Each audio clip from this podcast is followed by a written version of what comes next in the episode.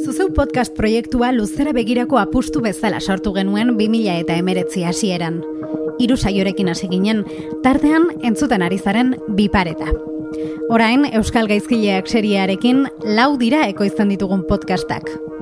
Proiektuak entzuleak ditu oinarrian, eta entzuleek babesten dute proiektua bera. Horregatik sortu dugu Patreon horri aldea. Audiogintza zuri esker egiten dugulako. Patreon horri aldean, iru arpidetza mota topatuko dituzu. Aukeratu egokiena iruditzen zaizuna, zuzeu podcast komunitatera batu, eta proiektua babesteko. Sartu patreon.com barra zuzeupot elbidera. patreon.com barra zuzeupot. Eta arpidetu gure edukietara.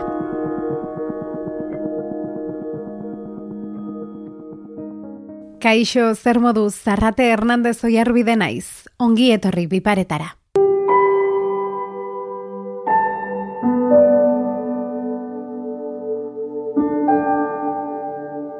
Gutxi gelditzen bali maizet ere nire zemeak ikustea ama bat bagaxo, triste, ez. Eta nik esaten dut beti, pues, ez dezula superatzen inoiz postura mailtza bizik eta ikasten dezu pues, horrekin bizitzen.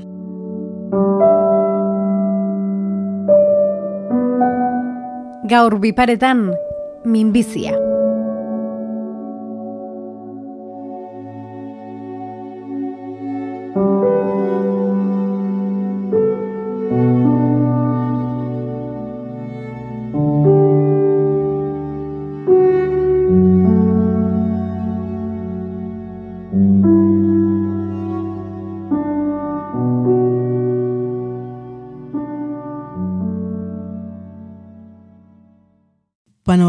Nire historia duela, aztakit e, gutxi gora bera amabi bat urte edo hasi zala, ba, ni oso txikian nintzanen. Entzuten ari zareten hau Julene da. Julene Ilarra Mendi Elexpuru. Hogeita bi urte ditu eta duela bi urte galdu zuen bere ama, Eba. Urte luzetako borroka izan denez, minbiziari eskutik helduta hasi da Julene. Beldurretik eta maitasunetik, minbiziak ere egin du gaur egun den emakume indartsua. Eta, bueno, asiranik ama ez ikusi nahi, ez den nahi, ez dakit, enintzan kapaza izan, eta orduan pospeluka jarrizun.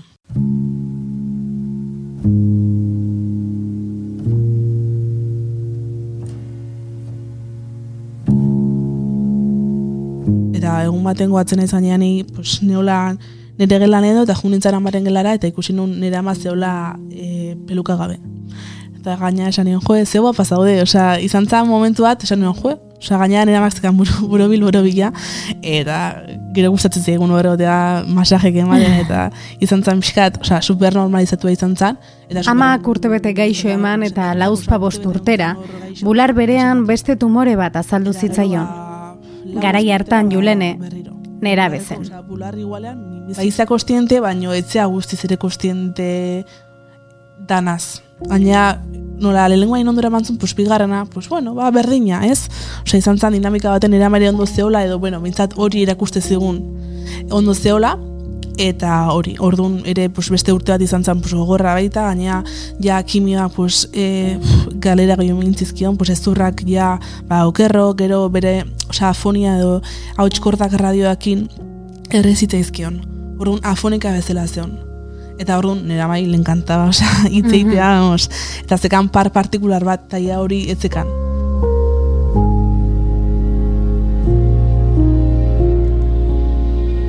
Bularra ere kendu behar izan zioten, baina ebak lortu zuen bigarrenetik errekuperatzea. Urtebete ere pasaetzenean ordea, metastasia zuela jabetu ziren. Eta, bueno, hori izan zen e, pues, parte gogorrena bezala, eta, bueno, pues, horrek eriotza ekarri zion.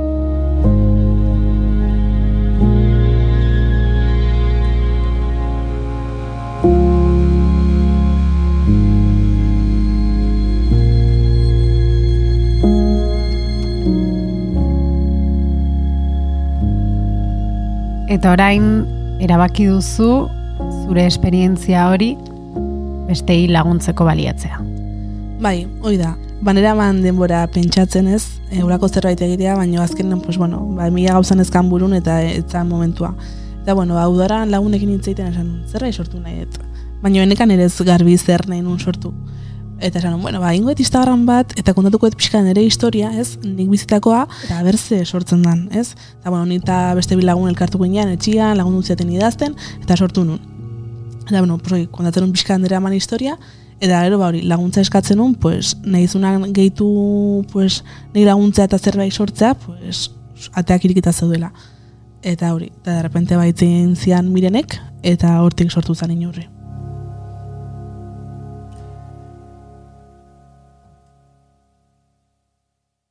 Eta zer da gaur egun inurri?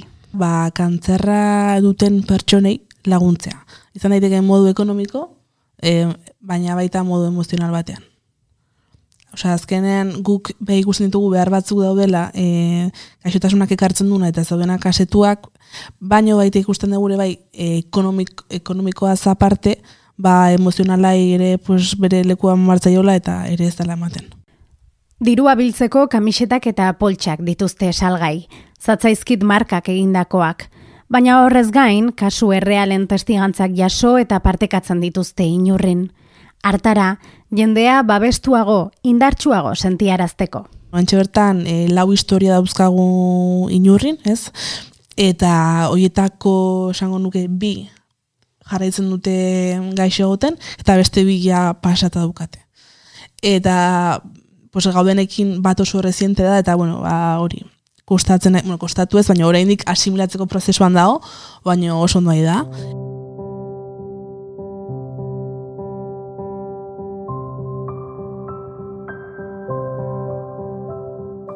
Minbizia nuela esan zidatenean ohartu nintzen zeinen denbora gutxi pasatzen nuen nire familiarekin. Orain soilik bereikin egon nahi dut, minutu eta segundu guztiak bizitu. Nire alaben irribarri bakoitza gorde, eta nire bide lagun denarekin momentu txiki bakoitza partekatu. Anonimoa. Eta bestea, ba, bueno, prozesu luzeago da ja urte dijoa mimiziakin, eta bueno, hori, pues, eramaten ikasten nahi da. Hiru urte beteko dira patxiri minbizia diagnostikatu ziotenetik, eta badirudi luzerako doala. Orduzkero, egun bakoitza berezia izaten ari da, egun batzukonak eta beste batzuk ezainonak, baina egun guztiak bereziak, badaude ere beste egun asko zoragarriak direnak. Adibidez, inurri maridomin etorri zitzaigunean kriston sorpresa honekin, uri gamonak xamurrago eginez. Guretzako, detaile txiki handi hauek bizitzarako ezinbesteko bilakatu dira. Elenita, patxiren bikotea. Batek esate zegun, pues, dijoa hogei urte mimizia pasata, baina oraindik beldurre, oza, beldurrez juten da pues, e, foroak egitera. Minbizia hitza medikuaren ahotik atera zenean mundua gainera erori zitzaidan burura etorri zitzaidan lehen gauza eriotza zen. Nere seme alabak amagabe geratuko zirela. Hauei enien esan.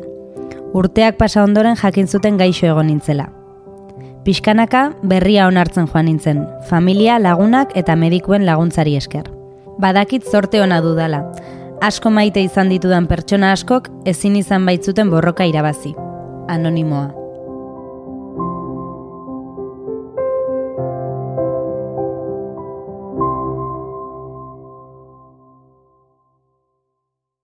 Falta dugun laugarren testigantza da Isabelena, gure beste gonbidatua.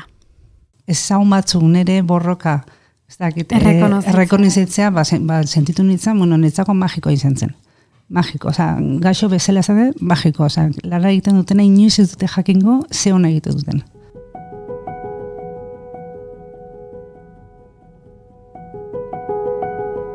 Eta, nire inurri tratatzen dutela pertsonak pasa dirana, pasatzen edianak, pasako dutena, baina pertsona zaintzen dute. Eta hori netzako garrantzitsua da, batez ere gaixo zadenean, uh edo tratamentuan zadenean. Isabel uzkudu niri arte hilea paintzailea da. Duela apare bat urte diagnostikatu zioten minbizia, berak bere bularrean koskor bat aurkitu eta gero. Momentu horretan geritzen zea pixkat geldirikan, bildurra, bildurra bertzen da. Baina Isabel ez da inolaz ere, beldurraren kontakizun bat. Guztiz kontrakoa, parez pare datorkigun horri, nola aurre egin erakutsiko digute bere bizipenek. Azaro lau, topatu bale manon gultua, e, abendu laia ebakuntza egin zidaten. E, dena ondo juntzan, gangliok ikutu gabe nauzkan, eta gero naukan, bueno, naukan tumorea oso txarra e, berriro ateatzen dana, eta bueno, e, bueno, gauzoiekin. Eta ordu eman zidaten kimioa, ba, gogorra, ba, zei kimio, e, ba, gogorrena hile gabe gelitzen zea, bekaina gabe, bueno, ba, ba dena fiziko kire bai, dena ematen dunakin. Esperientzia ez du aztuko, ez da beldurrei entzun gorregin ere. Hori bai, bere neurrian. Gogorra da, baina pasatzen da. Ezaren, egun batzuk sofan egoten zea botata, baina beste egun batzuk bizitza relativamente normala egiten dezula.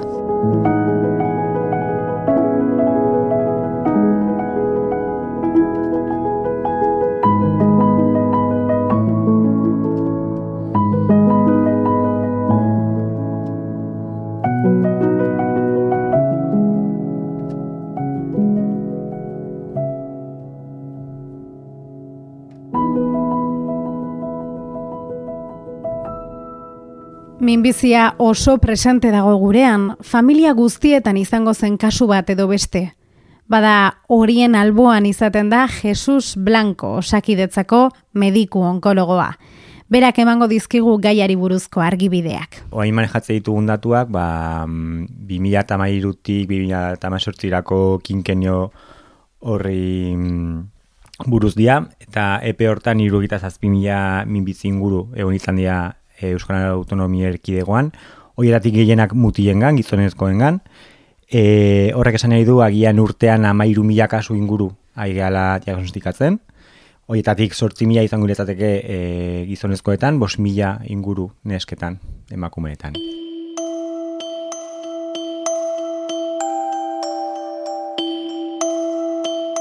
Bularreko minbiziari dago gionez, ba bueno, jakin bakigu e, emakoen artean e, minbizioi dakala pisu handien. Naiz eta gizonezkoek ere izaten duten bolarreko minbizia. Gizonezkoek engan aldiz, ba, prostatako minbizia da e, gehien ikuste eguna. Inoiz ez duzu espero minbizia gaixotuta zaudela esaten dizuten momentua. Eta orduan zer? Orduan dena eraitsi baino lehen, erritmoa mantentzeko beharra sentitu hoi da, egoerari aurre egitekoa, bizirik gaudela erakustekoa. Gure ardurak ordenean jartzea izaten da kezkarik nagusiena, bizitzak aurrera darrai. Eta hemen ere, ezberdintasunak izan ohi dira gizon eta emakumeen artean.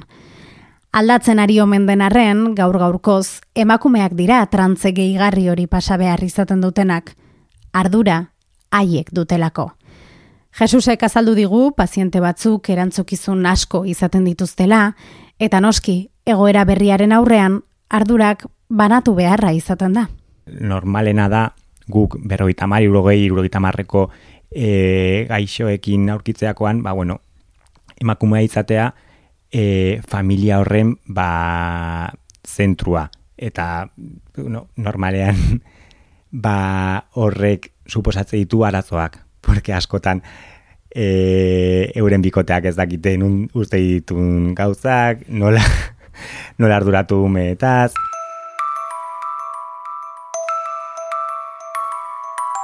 Hasieran buruan ere bai daukazu normaltasun bat em, harrapatu nahian, edo jarraitu nahian, zure gorputza, zure burua, zure familia, eta gero konturatzen zea ja normaltasun bukatu dela. Zu aldatintzea, evoluzio lotin zea, ez, uzatzea eta aldatu ez txarrea, baizik eta evoluzio bat egon dudala, bai minbiziaren gatikan, edo, bueno, jarreran gatikan, edo horrela. Eta atera daitekela buruan naukan denbora guzian.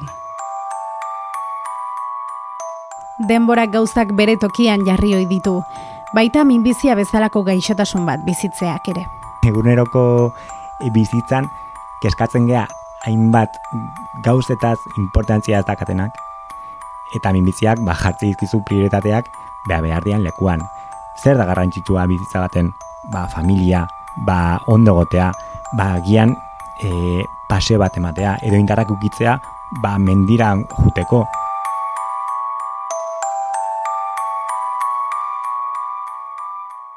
Bai, pertsona horiek ez dakit nola, ez dakit nondik, baina izugarrizko indarra eta atzute eta azkenen behaiek ere guztien digute guri nola, nola egin eta nola jarraitu. Bihurtzen zean zure superheroia bezala. Azkenean ateren bertzea eta lortzen dezu eta ateratzen zea Eta konturatzen zea bizitza jarraitu dezala, eta jendiak ikusi dizula berriro pertsona bezala, ez gaixo bat bezala. Gaixotasunak zuzenean edo zeharka, indartsuago egin ditu, egoera eramaten eta onartzen ikasi dute, eta hortik bizipoza jaio da, bizitzeko grina, bizitzeko mina. Isabelek eta Julenek argi dute, giro ilunak ekidin egingo dituzte, ez dute zurrunbilo ezkor batean murgildurik dagoen jendearen alboan egon nahi. Eta honekin ez dugu esan nahi sufrimendua edo beldurrak desagertuko direnik, ez horixe, hori ere prozesuaren parte baita. Julenek esaterako minbiziaren itzala segika du. Nire ama joan denetik, e, asko ze presentago dakat niregan minbizia. Osa, igual, lagundu ezaken mundu guztiak eta, baina nik bai sentitzen dut, pues, buruko mina baldin badukat, tripako mina baldin badukat, e, hanka ez baldin badukat horrela, beti sentitzen dut bizedakatela. Eta hori lantzeko prozesuan nago, eta esan inurrik ere biskat hortan ere laguntzen nahi dela, ze azkenen e, gaia zere gehiago hitzeitea ba nire askatzen naiz eta pues lehen igual enion inurri esaten sentitzen nuen baino hain pues bira Eta ja da, igual jende azte, julen ez pentsatu hori oino eski. Esa, da, pues hori, utzi diten uh zerbait. Eta hori, landu berzana, porque azkenen ez dizu usten ere ez lasai bizitzen. Horretara mugatzen baita dena azken finean, lasai bizitzera. Hori benetan ulertzen denean, eriotza privilegio izatera iritz daiteke. Zuk dakazu, zenda izina dan, e, gaixotazun bat. Eta horrek suposatzen duen privilegio, privilegio batekin zuk jakin bakizu, hemendik epe batera, eta nik ez dakit zepe izangoan, izango dira hilabeteak, urteak ez dakit, e, ba, zure bizitza bukatu egingo da.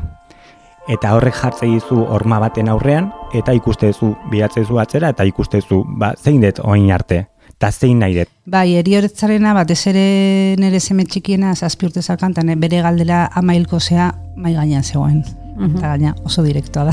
Claro, bai. Eta esaten ba, baietz, nilko naizela, beha hilko dala, denak hilko gehala, eta garrantzitsuena dala nola bizizean, ez nola, nola dan bukaera, baizik, eta tartean dagoen abentura, bizitzaren abenturari nola bizitu.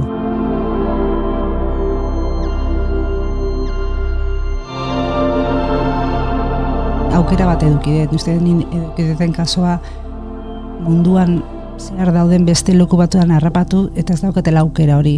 Hemen mm. adibidez aukera daukagu, ba, bueno, ba, tratamentu bat eta bueno, aurrea jarraitzeko. Bidean gelituko ga, dena gelituko ga bidean.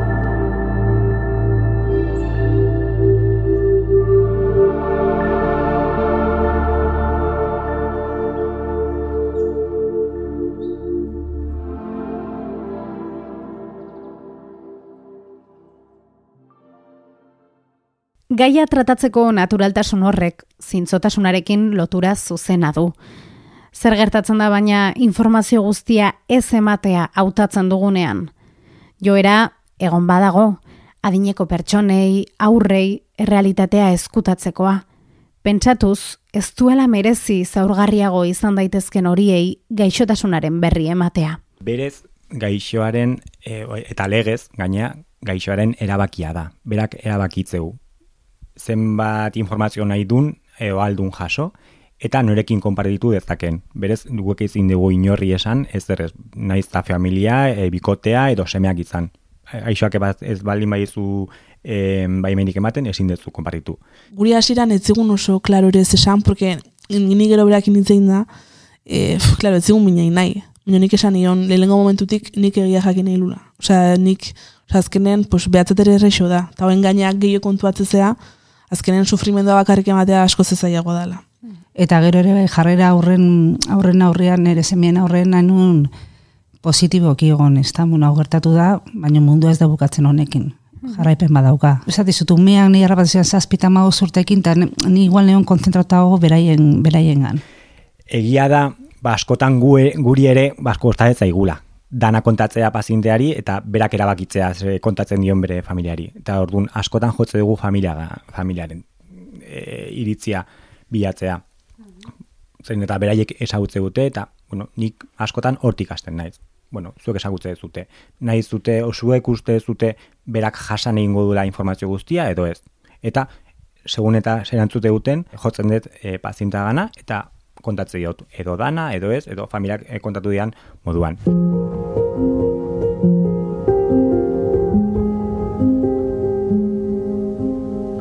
Nik beti izateet, e, minbiziak eragina daka pertsonagan eta gaixoagan, baino eragina daka bere inguru osoan, bai bere lagunengan, bai bere familiangan. Nire bikotea dibez, ba, asko laguntzen hau, asko lagundu hau, eta dena, baina bai egia da, ba, bere momentuan, bikoteatan ere ba, bueno, pixka berago egin zuten, ba, esaten dezuna ez dakitelako nola, nola horregin. Egia da nian nahi arreba dakatela, ba, bueno, horre, oiek gogor egin zidaten, eta oiekin, ba, bueno, nik edukinun sortea handia edukinun, inguruko jendiarekin. Gero ere bai, ba, bueno, dazkazu laguna, naukan lagun bat, e, kimio bezperan, ez zidan galdetzen zemoz neon, baizik eta guazen zinemara.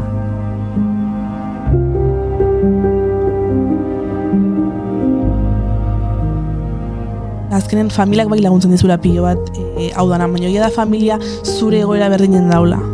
Orduan batzutan, igual kutsatu itzezan egabe, e, ez dakit, e, ba, gaizki zaude, orduan beste ere gaizki dago, eta azkenen apoiatzea pertsonaten gan gaizki da ona, nik adibidez nahi ez dit asko funtzionatzen. Nik adibidez lagunekin edo, oza, lagunak niretzat dira, oza, benetan eskerrak eman nahi dizkiet, porque beti ondia eta azkenen pues, positiboak kutsatzea izbeste, behek posaiatzea, e, ba hori, bazu ondo duten.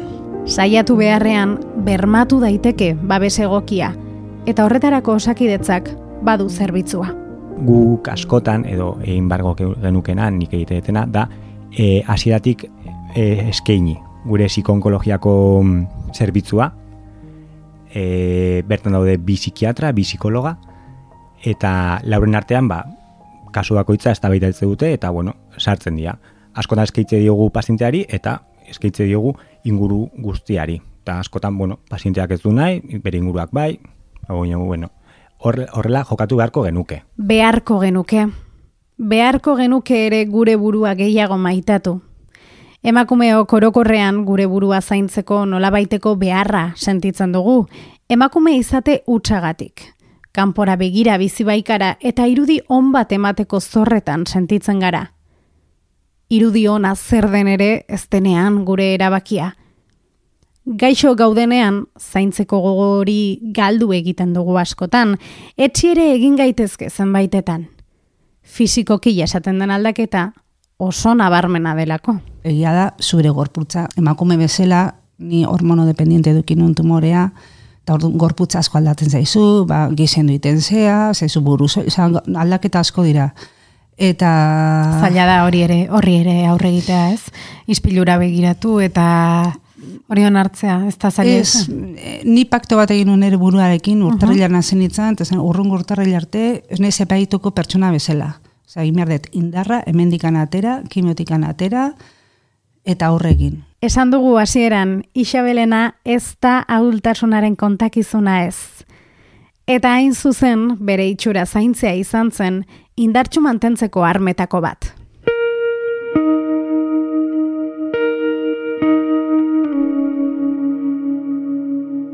emakume askoei eta eta gizoni ere bai, ba, euren itxura mantentzeak, ba, e, humorea mantentzea suposatzeu beraientzat. Eta hoi ere onartu behar dugu. Gu hasieratik eskitze dugu, ba, em, zeukerak dituen, ba, mikropigmentazioa egiteko ba, bekainetan, edo pelukak nun saltze dian, ba, bueno, e, behar dunak erabitze ditu. Ni uste detor zerbitzuri beharrazko dagoela zerratik ba, bai peluka, mikropimentazioa, hor daude, baina negia da oso garestia dira. Edo ez, bueno, nahi iruditzen zait oso garestia direla, ba, pasatzen zauden prozesuaren gatikan. Zemateko prezioa dute? Ba, pelukak, zeireun, sortzireun, mila, hortik angora nahi dezuna, zerbitzu barruan, zeratik anjun behar zealeko batea, e, orientatzen dizute, aukeratzen dizu peluka, erakusten dizute nola jarri, ordu zerbitzoiek garestiak dira. Beste batzuk, ba, onlartze dute euren mimizia dan bezala, eta, bueno, ni buruz egin nago, egongo naiz epe baten, jarriko ditut nire zapiak, edo jongo naiz e, burua argi-argi ukitzen, eta eta jazta. Eta horrek ez du ezan nahi e, gehiago edo hobeto eramango unik. Ba, bueno, berak bere burua hartzegu, dan moduan, eta beste batzuk behar dute euren itxura mantendu, ba, aurrera juteko. Nera amak lehenengo aldean pelukera mantzun, baina beste bietan ez. Eta horren zapiera matezun, edo batzutan ezer gabe jutezan. Eta beti, osea, ez dut inoiz ez lotxa, ez, ez dala sentitu behar, baina egia da, pues, batzutan, e, igual aldezula sentitu. Orduan, ez duen ezer sentitu, Gaina, igual amalet, igual Instagrama egiten dezu eta zure marekin argazki bat. Aldetiko, jo que se zu gabe eta bai gai julen, osea, beak esate zian, como remarkatzeko, pues, beha hola zala, oantxola zela, eta igual zula eta hoi erakutsi bartzala.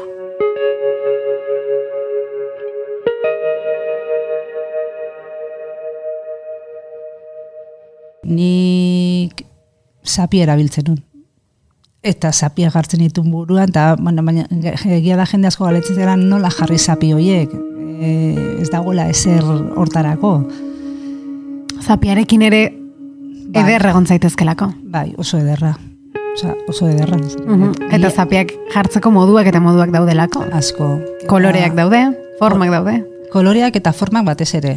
Eta, bai, egin dezakezu gauza asko. Ez dela zapi bat jarri e, zure burua tapatzeko, baizik eta jarrizak ezura zapi bat, bai guzteko, esan nahi dut, jartzen bali madezu ba, espain gorri batzuk, e, ez dakit, arropa jartzen zunean da pixka bat, ba, erakutsi nahi dezuna munduari.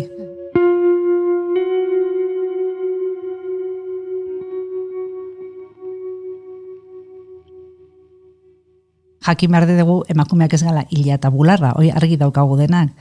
Baina gustatzen zaigu, ikustea izpilo baten, eta ikustea. Eta gero ere bai garrantzi, garrantzitsua da, bestiek batez ere familia esaten de batez ere, ikusten dizutenean ja jarri zela zapi bat, margotu zela pixka bat, ja bereientzako ba, ama ondo dago, ez da kimioko egun txar hoiek. Asko dago ikasteko eta ikusteko, nola gure beldur eta aurre iritziek askotan traizionatu egiten gaituzten.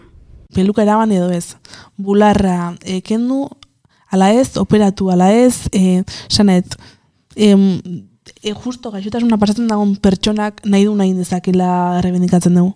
Egia da guk uste deula pues, kontzientzia bat eman barra eta informazio bat eman bardala, eta hortan egia, eta gero behin informazioa zuk erabaki. Sanaet, baina ezin dugu juzgatu, jo, eske bira, honek da peluka eramaten, o honek erabaki du posititik berriro jartzea, edo, oza, ez, irutzegu bakoitzak eta gero ere bai, pues, kantzerra daukitzen dut pertsonak eske joe, beti izateite eske nola ikusiko hau. Osea, beti dakazu como kritika hor onduan, ja bastante daukazu gaixotasunakin kritika hori sentitzeko onduan.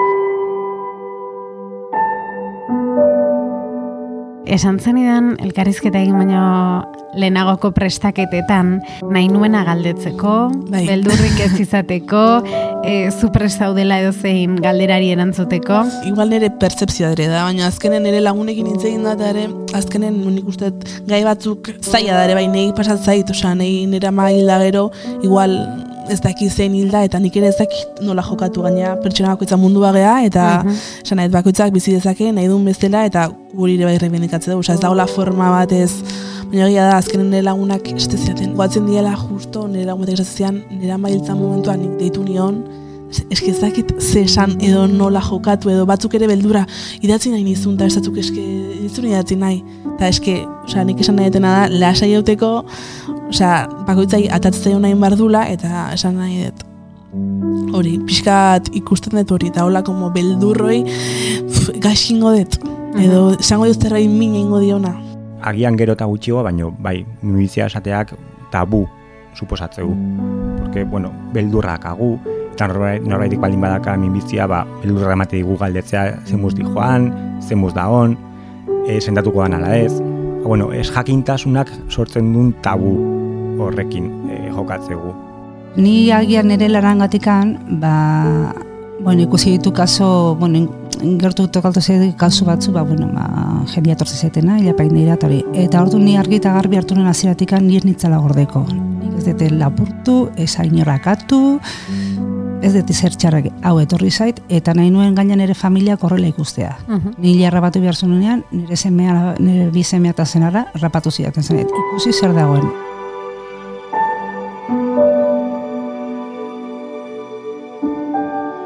Entzule, ospatuzuk ere benetan axola duena. eta maitatu zure burua. Datorrena datorrela, gai izango zara eta aurre egiteko.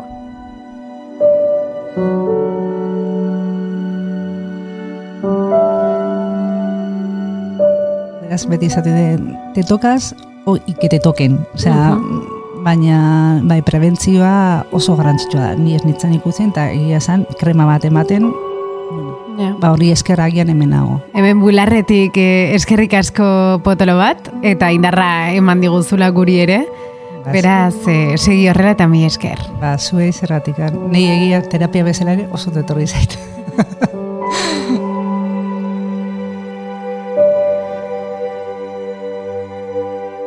Jesus, asko ikasi dugu eskerrik asko. Zuei gonbidapenagatik. Eskerrik asko.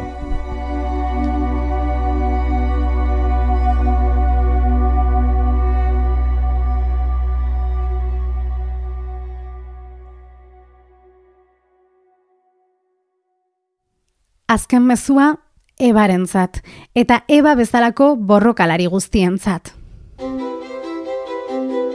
Berak e, jarraitu edo utzi zuen borroka ba ni jarraitzen egin naizela eta ba bueno, alik eta gauza gehien ditugula, pues ba, berak nahi bezala, pues mundua pixkatu betzeko.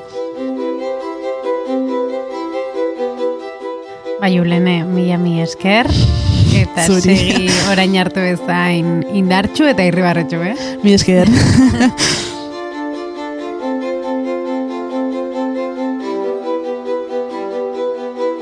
eta zuri ere entzule, eskerrik asko. Besarkada estu estu bat eta datorren asterarte. arte.